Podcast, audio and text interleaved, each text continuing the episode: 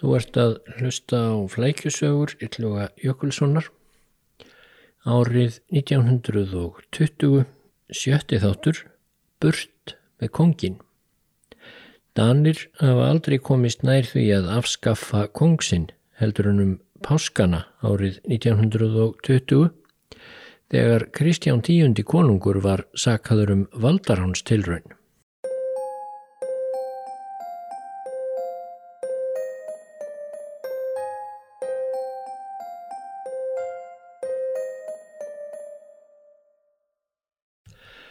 Á páskum árið 1920 lág við að Danir afskafuðu kongsinn Kristján X og allt hans lukkuborgar slekti.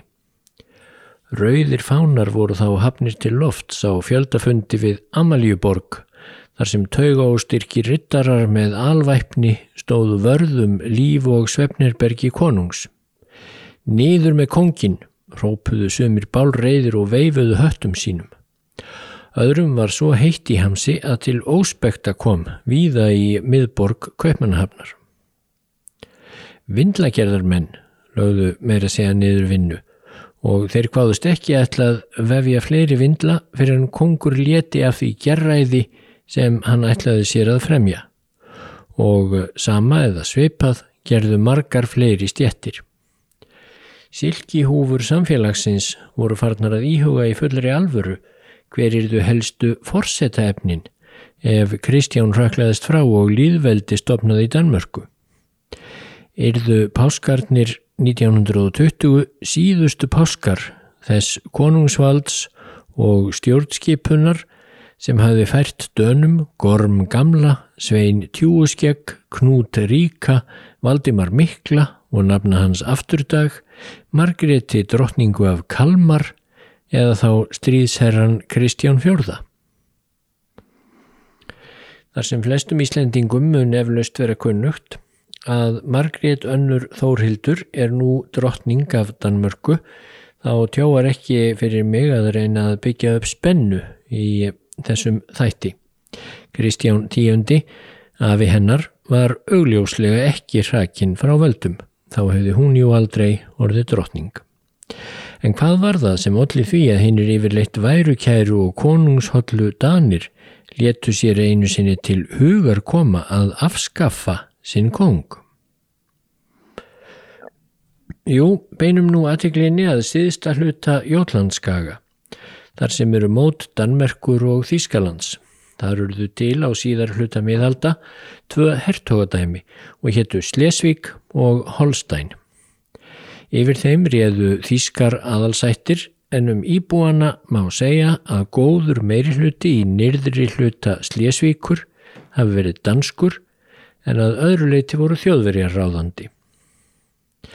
Frá og með árinu 1448 ríktu mjög þýsk kynjaðar konungsættir í Danmörku og hertogadæmin urðu þá hluti Danmörkur.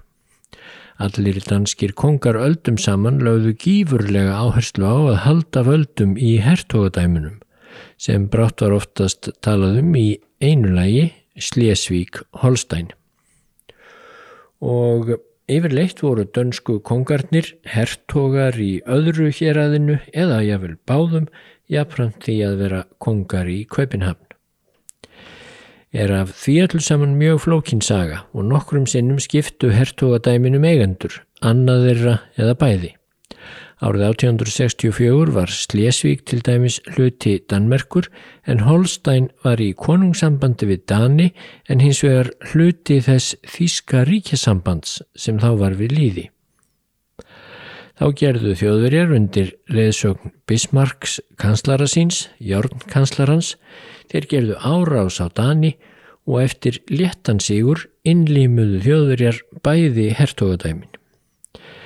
Það var nýjum Danakongi Kristjáni nýjunda svo hörmuleg tilhugsun að missa hertogadæmin en það hétt ætt hans Slesvík Holstein Sonderborg Beck að Kristján nýjundi hafði á laun samband við Bismarck og bauðst til þess að beita sér fyrir ingöngu Danmerkur í Þíska ríkisambandið gegn því að Danir heldu yfirráðum yfir hertogadæmunum tveim. Slíkar bollaleikingar fólu að sjálfsögðu í sér landráð af hálfu konungs en sem betur fer fyrir Kristján níunda komst málið ekki í hámæli fyrir en hálri annari öld síðar. Hertogadæmin 2 urðu nú hluti þess þíska keisaradæmis sem sett var á stopn árið 1871. Eldri fyrir heitum þjóðaratkvaði greiðslu í norður Slesvík voru að engu höfð. Dönskumælandi íbúar undu því ílla en Danmörk sem nú var tryggilega komin í hóp smáríkja Evrópu eftir að hafa öldum saman döblað við að reyna að komast í hóp stórvelda. Danmörk virtist satt að segja ekki líklegt til að heimta héradið eða héröðin aftur úr höndum hins ógnarsterka þíska stórveldis sem Bismarck hafði komið á legg.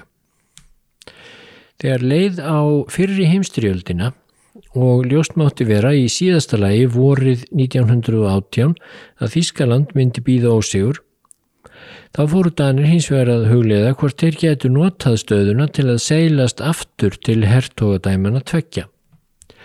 Ljóst var af yfirlýsingum bandamanna sérilegi Wilsons bandaríkjaforsetta að í nýri heimskipan eftir stríð ætti að gera sjálfs ákvörðunar rétti þjóða herra undir höfði en áður. Danir getur þá vísa til þess að landar þeirra væru í meiri hluta í að minnstakosti stórum hluta Slesvíkur eða Suður Jótlands eins og Danir vildu kalla svæðið. Til að styrkja stöðu sína, bæði lengt og ljóst, þá ákáðu Danir til dæmis að veita Íslendingum fullveldi sem þeir gerðu að eigin frumkvæði og varðað veruleika 1. desember 1918. Tilgangurinn var áraðanlega ekki síst að geta vísað til þess hver umburðarlindir Danir hefðu verið í garð krafna Íslendinga um fullveldi þegar þeir færu sjálfur að vísa til þess að íbúar í Slesvík vildu fá að sameinast Danmörku. Svo fór að atkvæðagreðsla meðal almennings um örlógslésvíkur fór fram í byrjun árs 1920 undir eftirliti frakka, bretta, normanna og svíja. Ekkert var hróplað við Holstein eða síðsta hluta slésvíkur því þar voru þjóðverjar í yfirgnæfandi meiri hluta og ljóst að íbúarnir hefðu engan áhuga á að gera stanir. En kosið var í nýrsta hluta slésvíkur í februar og eins og búast mátti við þá vildu 75% íbúa þar saminast Danmörku. Um miðbygg Slesvíkur var hins vegar umdelt svæði þar sem íbúar voru að meiri hluta þjóðverjar en Danir lögðu þó mikið kappa á að eignast. Þar á meðal var borgin Flensborg sem þótti afar mikilvæg á þessu svæði og kostningar á þessu svæði, þar að segja um miðbygg Slesvíkur, fóru fram 14. mars og 80% lístu þá vilja til þess að tilheyra Þískalandi áfram. Þar með hefði málið átt að vera úr sögunni. Karl Deodor Zale, forsætisráð þeirra Danmerkur, byrjaði að undirbúa saminningu Norður Slesvíkur og Danmerkur sem fara skildu fram um sumarið. Sale tilherði flokknum radikali venstri sem var þriðji stærsti flokkurinn á þingi. Hann hafði af hálfu dana verið driffjöðurinn í að afgreiða mál Íslendinga 1918. En nú kom Babbi bátinn. Árið 1912 hafði Kristján X tekið við konungdómi í Danmörku. Hann var þá rúmlega færtugur og þótti stífur og þver í sinni. Hann bar sig alltaf hermanlega og kunni greinilega einna best við sig í enkennisbúningi.